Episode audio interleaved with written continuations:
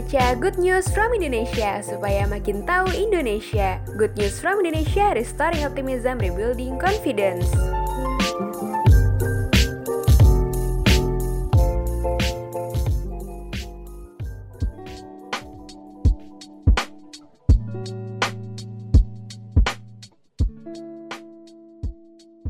Halo kawan GNFI, kembali lagi di Good Voice, Good News from Indonesia Podcast. Good Voice kali ini akan membahas perjalanan industri buku di Indonesia.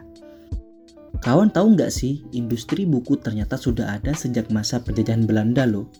Dimulai dari seorang misionaris gereja Belanda yang ingin membangun percetakan, tetapi tidak jadi karena masalah teknis.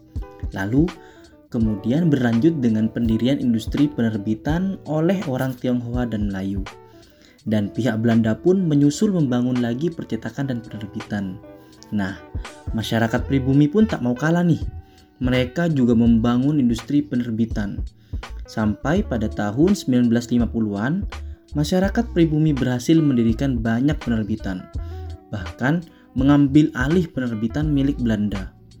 Sekarang, jumlah penerbitan bertambah banyak, namun penerbitan kurang mendapatkan keuntungan dari bisnis yang dijalankan. Terutama saat pandemi sekarang nih kawan, saat orang-orang tidak membeli buku dan penerbitan ditutup. Padahal, pangsa pasar buku di Indonesia sangat besar, hampir mencapai 14,1 triliun setiap tahunnya. Oleh karena itu, kita perlu mencari cara membangkitkan industri buku tentunya dengan cara digitalisasi buku. Ini dapat dilakukan dengan bantuan pemerintah dan IKAPI atau biasa disebut dengan IKP dengan jaminan keamanan buku dan insentif penjualan. Gimana kawan, sudah jadi makin tahu Indonesia belum?